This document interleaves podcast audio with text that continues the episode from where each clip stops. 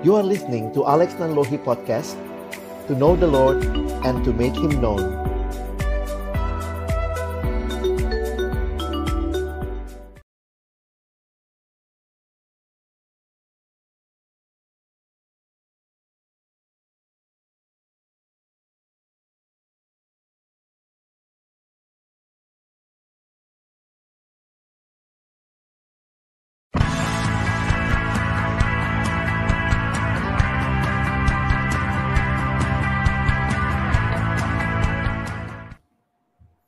Selamat malam rekan-rekan yang saya kasih dalam nama Tuhan Yesus. Malam hari ini kembali bersama dengan saya Feby Timotius dari Bara Digital Ministry.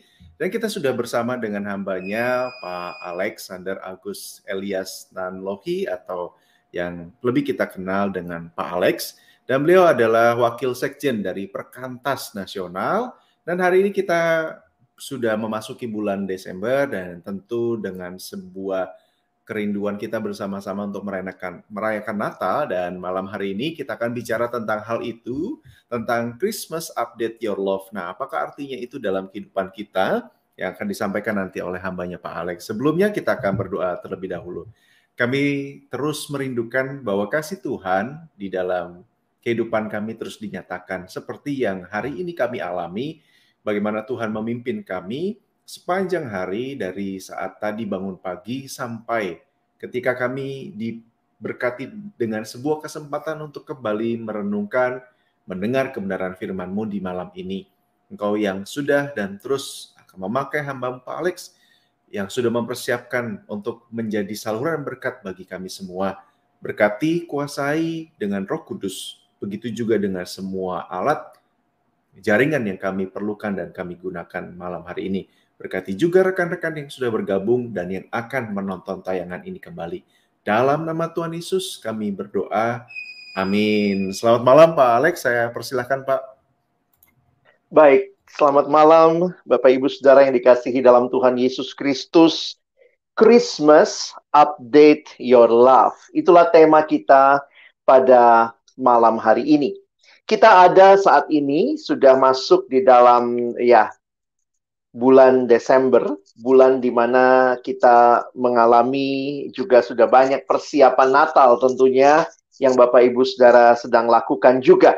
Nah, kerinduan kita di tengah-tengah uh, memahami arti dari Natal ini sendiri kita rindu agar kiranya ini bukan sekadar sebuah perayaan kosong belaka yang memang kita lakukan setiap kali ya, tetapi sekali lagi menjadi kesempatan untuk kita bersama-sama memaknai apa artinya Yesus yang lahir dan kembali memberikan kepada kita sukacita. Saya akan coba share screen dengan uh, bagian ini sebentar. Saya harap kita bisa nanti ikut melihat bersama-sama. Iya, Bapak Ibu Saudara yang dikasihi dalam Tuhan Yesus Kristus, apa yang paling penting dari Natal ya? Seringkali memang orang berkata tentang Natal, what is the most important part of Christmas is the first six letters. Enam huruf pertama dalam bahasa Inggris ya, Christ himself the most important part of Christmas is the first six letters. Kristus yang datang ke dalam dunia yang kehadirannya membawa pembaharuan bagi kita. Yang kehadirannya dikatakan sebagai wujud kasih, wujud love, wujud cinta yang sebenarnya sangat luar biasa dari Allah. Bapak Ibu Saudara yang dikasihi Tuhan, sebenarnya kalau kita bicara kasih ini, kalau kita harus update lagi kasih kita, kasih itu adalah sebuah bahasa yang universal sebenarnya. Maksudnya, semua orang berbicara tentang kasih. Tetapi, mari kita coba melihat apa sih yang begitu unik dari kasih yang kita pikirkan pada waktu Natal yang dibawa oleh Yesus dan harusnya juga kita sebagai pengikut-pengikutnya meneladani kasih itu, membagikan kasih itu. Saya pikir kita harus fokus melihat kepada karya Kristus yang genap bagi manusia. Saya ingat satu dekorasi Natal yang sangat berkesan hingga hari ini. Sebuah dekorasi yang sangat sederhana waktu Natal beberapa tahun yang lalu. Ada seorang teman yang membuat dekorasi yang kira-kira seperti gambar yang ada di layar Bapak Ibu Saudara sekalian. Di sebelah kiri panggung, dia memberikan gambaran palungan, lalu kemudian di sebelah kanan panggung ada Bukit Golgota, dan ada jalan yang dibentangkan dari palungan sampai ke Bukit Golgota itu. Dan ini adalah satu pra, uh, dekorasi Natal yang sangat simple, tapi yang saya ingat sampai sekarang karena memberikan pemahaman bahwa Yesus yang datang di waktu Natal, yang kelahirannya kita rayakan, tidak berhenti hanya menjadi bayi mungil, tetapi dia bertumbuh, dewasa, dia melayani, dia menderita bahkan mati, dan bangkit kembali memberikan kemenangan kepada kita. Kalau Bapak Ibu Saudara mau melihat kasih, maka kita harus melihatnya secara utuh di dalam kehidupan Yesus. Saya memilih satu bagian firman Tuhan malam hari ini untuk me mengajak kita memaknai kasih seperti apa yang sebenarnya Yesus bawa melalui kehadirannya. Di dalam 1 Yohanes pasal yang keempat ayat 9 sampai ayat yang ke-10 kita akan memperhatikan dua ayat ini bersama-sama. Dituliskan, dalam hal inilah kasih Allah dinyatakan di tengah-tengah kita, yaitu bahwa Allah telah mengutus anaknya yang tunggal ke dalam dunia supaya kita hidup olehnya. Inilah kasih itu. Bukan kita yang telah mengasihi Allah, tetapi Allah yang telah mengasihi kita dan yang telah mengutus anaknya sebagai pendamaian bagi dosa-dosa kita. Kalau kita melihat kembali apa yang digambarkan di dalam ayat-ayat ini, saya pikir kita tidak bisa tidak harus kembali meyakini bahwa Allah adalah kasih. God is love. Mengapa ini penting? Dunia pun bicara kasih, tetapi Bapak Ibu Saudara, jika kita ingin belajar tentang kasih, bukan belajar dari drama Korea, dari sinetron, tetapi seharusnya kita belajar dari Allah yang adalah kasih adanya. Di dalam Alkitab kita melihat dalam ayat yang kita baca tadi. Bukan kita yang terlebih dahulu mengasihi Allah, tetapi Allah yang terlebih dahulu mengasihi kita. Berarti kasih dimulai dari Allah. Dan jika kita perhatikan di dalam ayat yang ke-16 juga dituliskan, 1 Yohanes 4 ayat 16, kita telah mengenal dan telah percaya akan kasih Allah kepada kita. Allah adalah kasih. Dan barang siapa tetap di dalam kasih, ia tetap berada di dalam Allah dan Allah di dalam dia. Saudara mau belajar tentang kasih, maka belajarlah dari pribadi Allah yang kasih adanya. Tetapi yang menarik ketika kita mempelajari tulisan Rasul Yohanes yang kita baca tadi, ternyata saya menemukan bahwa bukti kasih Allah yang luar biasa adalah dengan memberikan anaknya. Itulah yang kita baca di dalam 1 Yohanes 4 ayat 9 dan 10. Nah, saya ingin ajak kita coba meneliti sebentar ayat ini. Bapak Ibu Saudara yang dikasihi Tuhan, hampir setiap kali tulisan Rasul Yohanes, baik di dalam Injil maupun juga di dalam surat-suratnya, ketika berbicara kasih, maka Rasul Yohanes tidaklah berusaha mendefinisikan kasih, tetapi dia justru menunjuk kepada sebuah tindakan, suatu tindakan kasih yang luar biasa. Apa yang saya maksud? Mari perhatikan ayat 9 dan ayat 10 dalam bacaan kita. Dituliskan di dalam bagian indah, inilah kasih Allah. Tetapi apa yang Rasul Yohanes lakukan, dia tidak menjelaskan kasih itu adalah sesuatu yang seperti apa, seperti apa. Tetapi dia menunjuk kepada sebuah peristiwa Allah telah mengutus anaknya yang tunggal. Demikian juga di dalam ayat yang ke-10. Inilah kasih itu yang diberikan bukanlah definisi, tetapi ditunjuk kepada satu tindakan Allah yang telah mengutus anaknya. Dan saya pikir kita menemukan dalam tulisan yang lain, termasuk di dalam ayat terkenal yang sering kali kita hafalkan, yaitu Yohanes 3 ayat 16 Perhatikan ayat ini. Karena begitu besar kasih Allah akan dunia ini. Bukan definisi yang Yesus sampaikan. Tetapi dia menunjuk kepada ia, Allah, telah mengaruniakan anaknya yang tunggal. Tindakan Allah mengaruniakan anaknya yang tunggal adalah sebuah tindakan kasih yang luar biasa. Seorang hamba Tuhan bernama pendeta Billy Graham berkata, Allah membuktikan kasihnya pada kayu salib.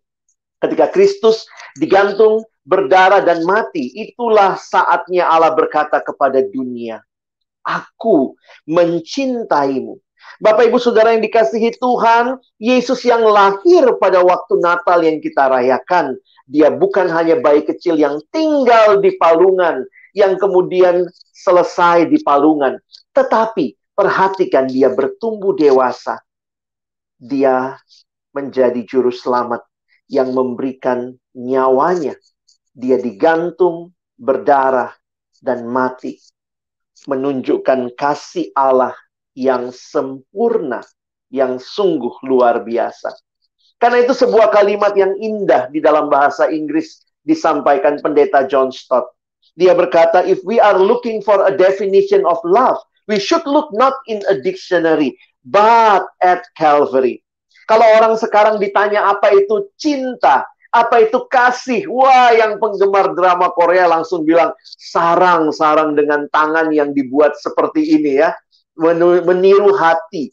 Tetapi kalau kita lihat dalam kekristenan, bukan ini kasih itu. Tetapi inilah kasih itu. Sebuah simbol Allah mengaruniakan anaknya yang tunggal. Dan perhatikan apa tujuan dari Allah mengaruniakan anaknya yang tunggal. Bapak Ibu Saudara yang dikasihi Tuhan, perhatikan dengan jelas yang dituliskan di dalam ayat 9 dan 10 tadi. Supaya kita hidup olehnya. Dan perhatikan di ayat yang 10. Sebagai pendamaian bagi dosa-dosa kita. Sungguh luar biasa tindakan kasih Allah. Supaya saudara dan saya yang mati di dalam dosa. Kita boleh hidup di dalam dia. Dan kita yang terpisah dengan Allah. Boleh didamaikan oleh karya Kristus. Sekali lagi dengan pengorbanannya di salib, Yesus ingin mengatakan kepada saudara, aku mengasihimu. Mengapa kita perlu update dengan kasih seperti ini? Karena kasih dunia itu beda banget. Bapak Ibu Saudara yang dikasihi Tuhan. Kasih dunia hanya dikaitkan dengan perasaan. Kalau perasaannya hilang seolah-olah kasihnya juga hilang kasihnya dunia itu cenderung egois, hanya untuk diri sendiri. Aku mengasihimu supaya aku mendapatkan sesuatu. Sehingga kasih dunia itu lebih banyak mengambil untuk kepentingan diri. Seperti taking, mengambil, mengambil, dan mengambil. Dan tentunya kasih dunia adalah kasih yang terbatas. Mengapa kita di tengah dunia yang katanya bicara kasih, begitu banyak drama tentang cinta dan dan kasih, tetapi kita perlu update dengan kasih Allah yang dinyatakan pada waktu Natal, dimulai pada waktu Natal, dan genap dalam karya Kristus yang sempurna. Karena kasih ini beda dengan apa yang dunia tawarkan. Karena itu saya ingat ada seorang yang pernah memberikan ilustrasi yang saya ingat sampai sekarang. Dia mengatakan bahwa sebenarnya kasih bahasa Indonesia itu bahasa yang paling jelas menggambarkan kasih. Maksudnya bagaimana? Dibanding bahasa lain di dunia, dia katakan bahasa Indonesia paling gampang menjelaskan kasih. Apa itu kasih? Kasih, ya kasih.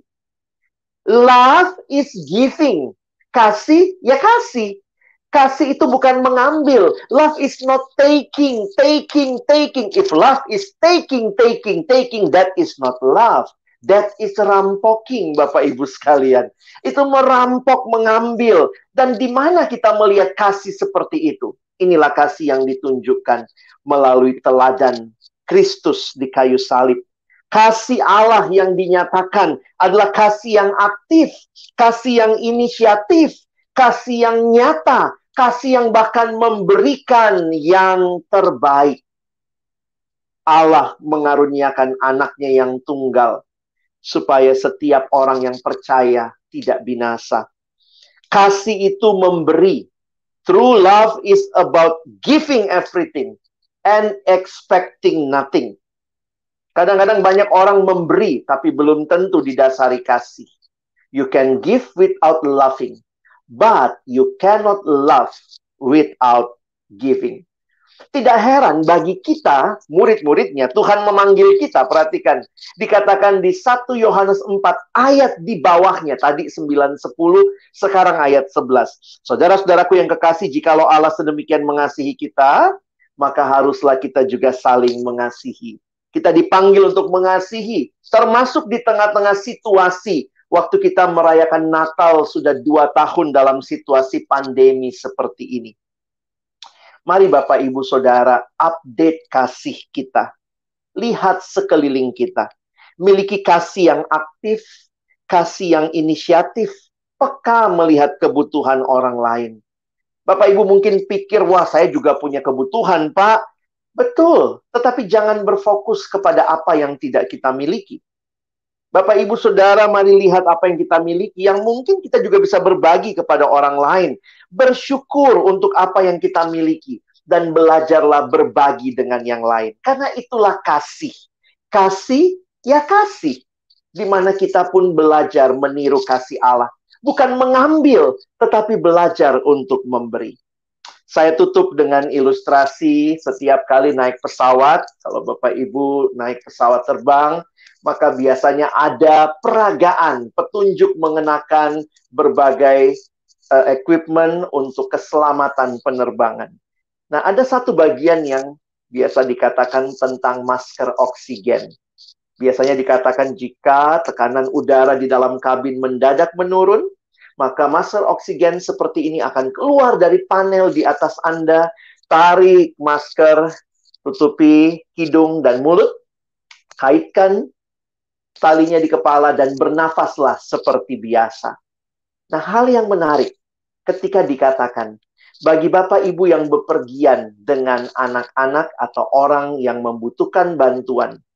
Pertama, pakailah masker Anda terlebih dahulu lalu kemudian menolong yang lain.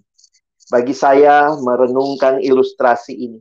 Ketika Bapak, Ibu, Saudara, dan saya telah dipenuhi dengan kasih Allah, maka kiranya kita hadir juga membagikan kasih itu. Menolong sesama, menjadi berkat bagi sesama. Selamat mempersiapkan diri menyambut Natal. Ingatlah tindakan kasih Allah yang besar so update your love. Amin. Amin, amin. Terima kasih Pak Alex untuk kesempatan yang luar biasa ya untuk kita melihat kembali dan didorong untuk mengupdate kasih yang selama ini sudah ada di dalam kehidupan kita di dalam Kristus dan ini ada beberapa pertanyaan berkaitan ya. dengan ya. tema malam hari ini Pak. Nah, ya. karena tadi Pak Pak Alex boleh se sekali lagi bukan mengulang tetapi me menekankan Pak. Karena mungkin mungkin saja kita bisa iya. berpikir yeah. bahwa di luar Kristus pun seseorang itu bisa memberikan kasihnya kepada yang lain begitu ya. Entah misalnya mm. kepada istri atau suami begitu. Nah, di uh, kalau tadi Pak Alex juga sampaikan ya ada perbedaan-perbedaan tentang perasaan, egois dan terbatas. Yeah. Nah, seberapa dalam kehidupan praktek itu Pak? Karena orang merasa bahwa ya saya sudah mengasihi, jadi saya hmm. mungkin berpikir bahwa saya nggak perlu Kristus lagi karena saya juga dengan dengan kemampuan saya atau kerinduan saya saya bisa mengasihi orang dan betapa yeah. akhirnya dalam tanda kutip kebutuhan akan kasih Kristus itu ditolak. Nah itu apa yang apa yang hmm. terjadi Pak di situ Pak? Iya, saya harus ingatkan bahwa jangan pernah mimpi bisa mengasihi terlepas dari Kristus yang adalah sumber kasih itu. Tidak heran di dalam Alkitab dikatakan bahwa kasih itu adalah buah dari Roh Kudus. Makanya disebut buah roh. Jadi kasih itu bagi kita manusia yang sudah jatuh dalam dosa, kita tuh nggak natural mengasihi. Selalu hmm. kasih kita tuh ada pengennya. Saya mengasihi supaya saya dapat sesuatu. Okay. Saya mengasihi supaya apa. Tetapi bagaimana itu bisa terjadi? Hanya ketika roh kudus diam di dalam kita. maka yang keluar adalah kasih yang itu buah dari kehadiran Roh Kudus. Jadi hmm. itu bukan buahnya saya, Pak ya, misalnya bukan buahnya ya. Alex begitu ya, tetapi itulah buah dari kehadiran Roh Kudus yang ada dalam hidup saya. Sehingga saya juga kadang amazed gitu ya. Kalau saya mah diginiin, kalau naturalnya wah saya bales ini ya misalnya. Tetapi kok hari itu Tuhan kayak ya dalam relasi hmm. dengan Tuhan, akhirnya saya bisa belajar sabar, bisa belajar mengampuni. Nah, itu membuktikan bahwa kita sedang terus dibentuk dan dipimpin oleh Roh Kudus. Oke, okay, oke, okay, oke. Okay. Menarik nih kalau pernyataan Pak Alex barusan saya mau tambahin sedikit ya, Pak. Iya, silakan, pertanyaan, pertanyaan bukan bukan nambahin ini, tapi uh, ya.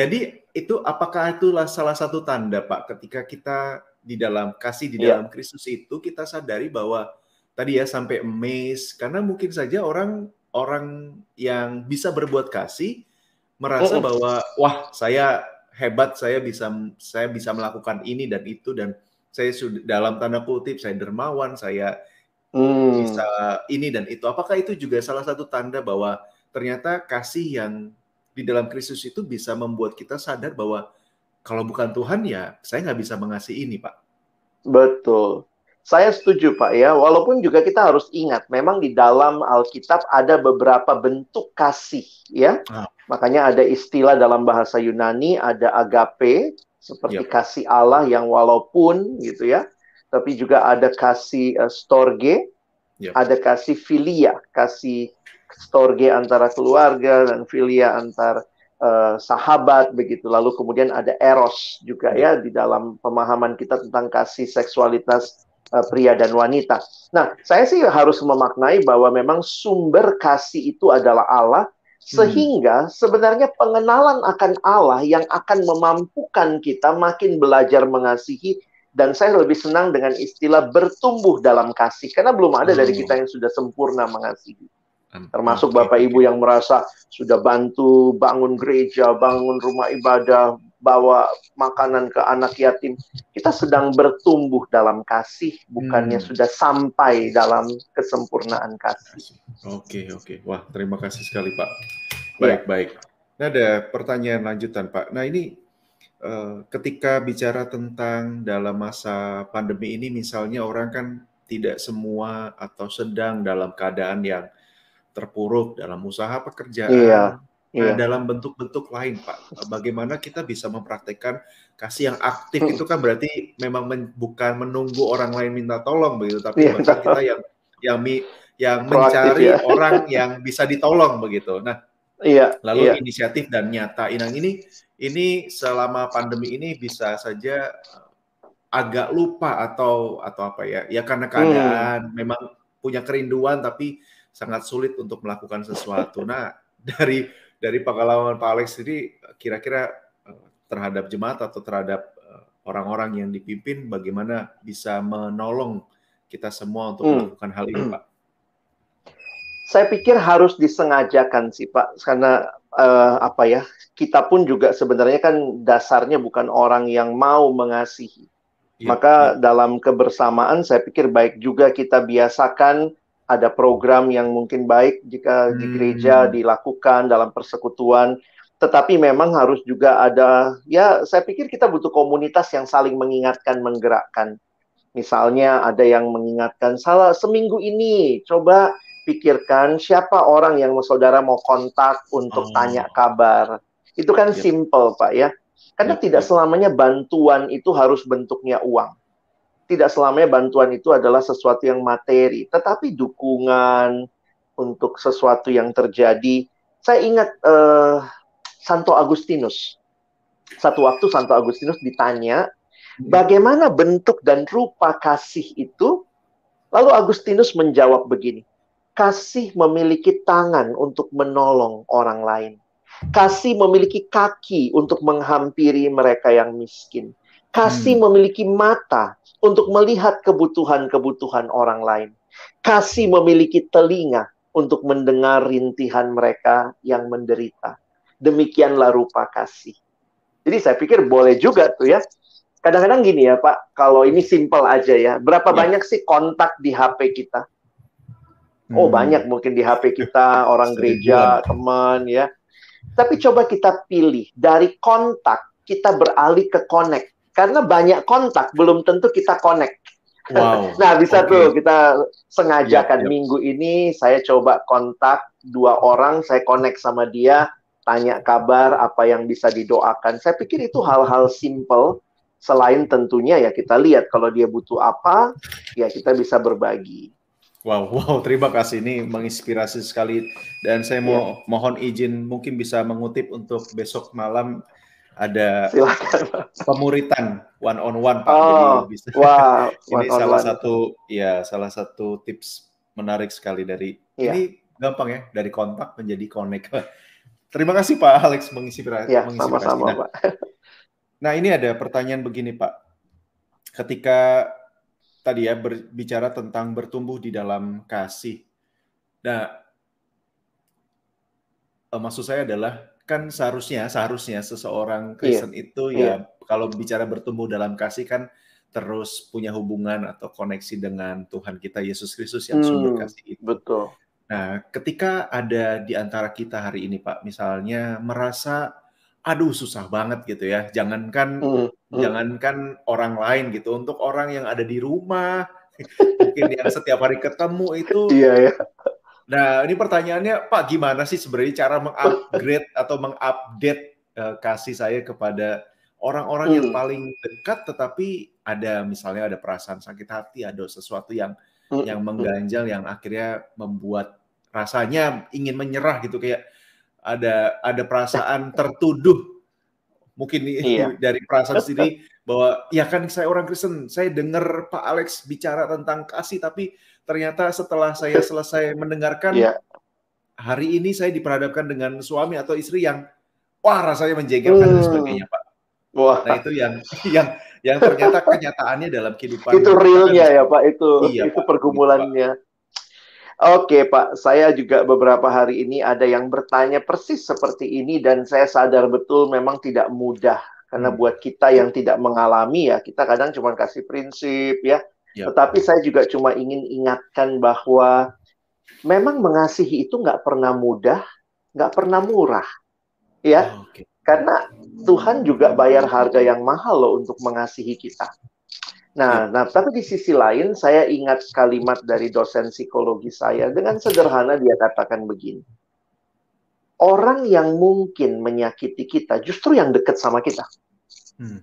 Ya, Misalnya ya, ada ada nggak Bapak Ibu di sini yang disakiti oleh Joe Biden minggu lalu?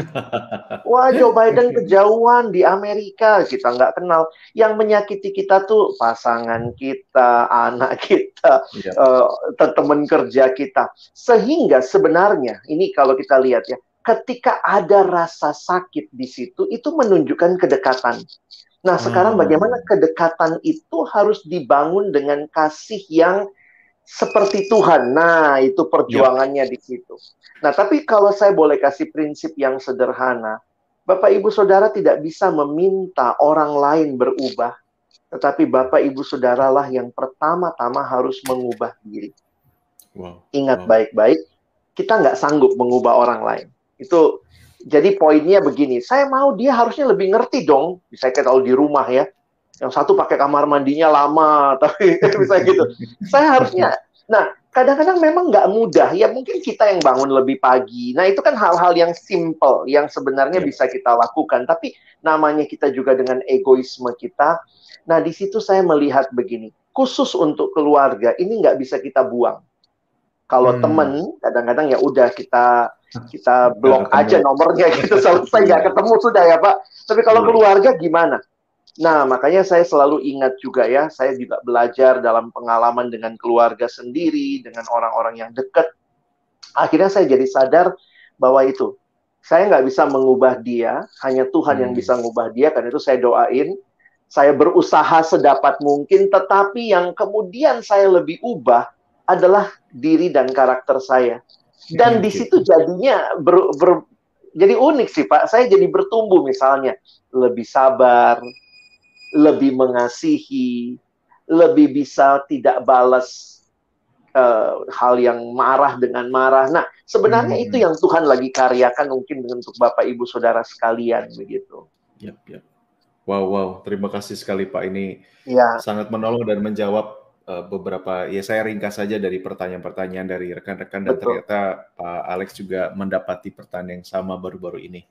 Baik, terima kasih Pak Alex untuk sama-sama hari ini dengan segala bahkan dalam praktek kehidupan kita yang ya perlu berjuang terus untuk dan terus tentunya bergantung kepada Tuhan yang Maha Kasih. Jadi saya mewakili saja dari rekan-rekan banyak yang menyampaikan baik di Instagram maupun di uh, yeah. YouTube dan juga di Facebook menyampaikan terima kasih untuk firman Tuhan yang sudah Pak Alex sampaikan dan saya boleh merindu untuk Pak Alex boleh menolong kita mendoakan baik. juga secara khusus untuk setiap kita untuk bersama-sama penuh dengan kasih Tuhan. Baik. Mari kita berdoa. Tuhan, kami bersyukur karena Engkau Allah yang kasih adanya, dan kasih-Mu itu Kau curahkan ke dalam dunia ini melalui pengorbanan putramu Yesus Kristus bagi kami. Dan Kristus menjadi teladan kami. Apa artinya belajar mengasihi? Kami bersyukur juga buat roh kudus yang diberikan Tuhan diam dalam hati setiap kami yang percaya yang menolong kami makin bertumbuh di dalam kasih sebagai buah dari kehadiran Roh Kudus dalam hidup kami. Tuhan ajari kami terus karena ini bukan pelajaran satu malam, satu sesi selesai, tapi perjalanan seumur hidup. Makin mengasihi Tuhan dan juga mengasihi sesama. Banyak hal yang kami tahu belum berubah tetapi di dalamnya kami pun diingatkan, mungkin Tuhan sedang pertama-tama mengubah kami terlebih dahulu. Karena itu kami berdoa, tambahkan kasih kami. Kiranya Natal yang kami akan lalui sebulan ini, mungkin banyak renungan Natal, banyak khotbah Natal, banyak perayaan Natal, kiranya kasih kami makin melimpah. Terutama bagi orang-orang yang sulit kami kasihi. Mungkin itu pasangan kami, keluarga kami, anak anak uh, orang tua kami dan itu perjuangan yang nyata yang kami rindu Tuhan. Tolong kami untuk terus belajar mengasihi dan hari demi hari biarlah kami makin serupa dengan Kristus bukan serupa dengan dunia. Terima kasih sekali lagi buat Bara Digital Ministry dengan pelayanan yang Tuhan berkati juga biarlah terus boleh menyebarkan kasih Kristus. Sekali lagi kami bersyukur dan hambamu menyerahkan untuk seluruh Bapak Ibu Saudara yang mendengarkan, baik yang langsung maupun siaran tunda nanti, Tuhan tolong untuk kami juga semakin bertumbuh dalam kasih. Kami sekali lagi bersyukur, di dalam nama Tuhan Yesus Kristus kami sudah berdoa. Amin. Amin. Sekali lagi terima kasih Pak Alex untuk kesempatan malam hari ini. Dan terima kasih juga untuk rekan-rekan yang sudah bergabung dengan kami dan sudah bertanya, beratensi dan berkomentar. Dan jangan lupa, lupa untuk subscribe dan juga terus dukung apa yang kami lakukan dan biarlah Tuhan juga memberkati kita semua. Dan besok kita akan bersama-sama dengan hambanya Pak Samuel berkaitan dengan satu tema yang akan menolong kita berkelanjutan dengan tema malam hari ini Christmas Transforming Culture. Jadi saksikan besok. Sampai jumpa. Saya Feby Timotius dan juga Pak Alex bersama rekan-rekan yang sudah bersama-sama melayani mengucapkan selamat malam. Tuhan Yesus memberkati. Amin.